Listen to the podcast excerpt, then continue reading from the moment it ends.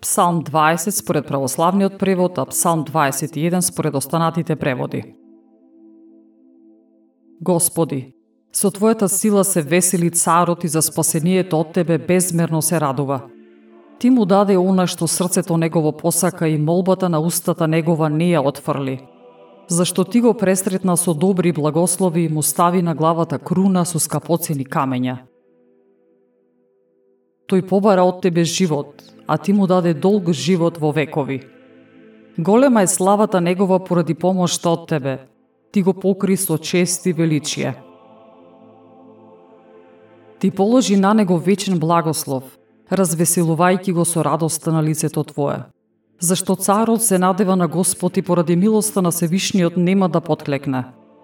Раката Твоја ќе ги најде сите Твои непријатели, десницата Твоја ќе ги најде сите што те мразат.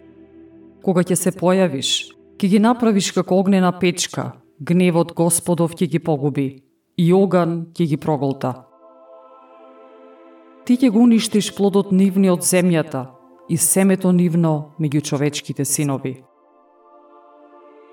Ако смислат против тебе зло и се договорат, не ќе можат ништо да направат. Ти ќе ги натераш во бегство, а од твоите лакови ќе пушти стрели во лицето нивно. Издигни се, Господи, со Твојата сила. Ние ќе ја воспеваме и ќе ја прославуваме Твојата моќ.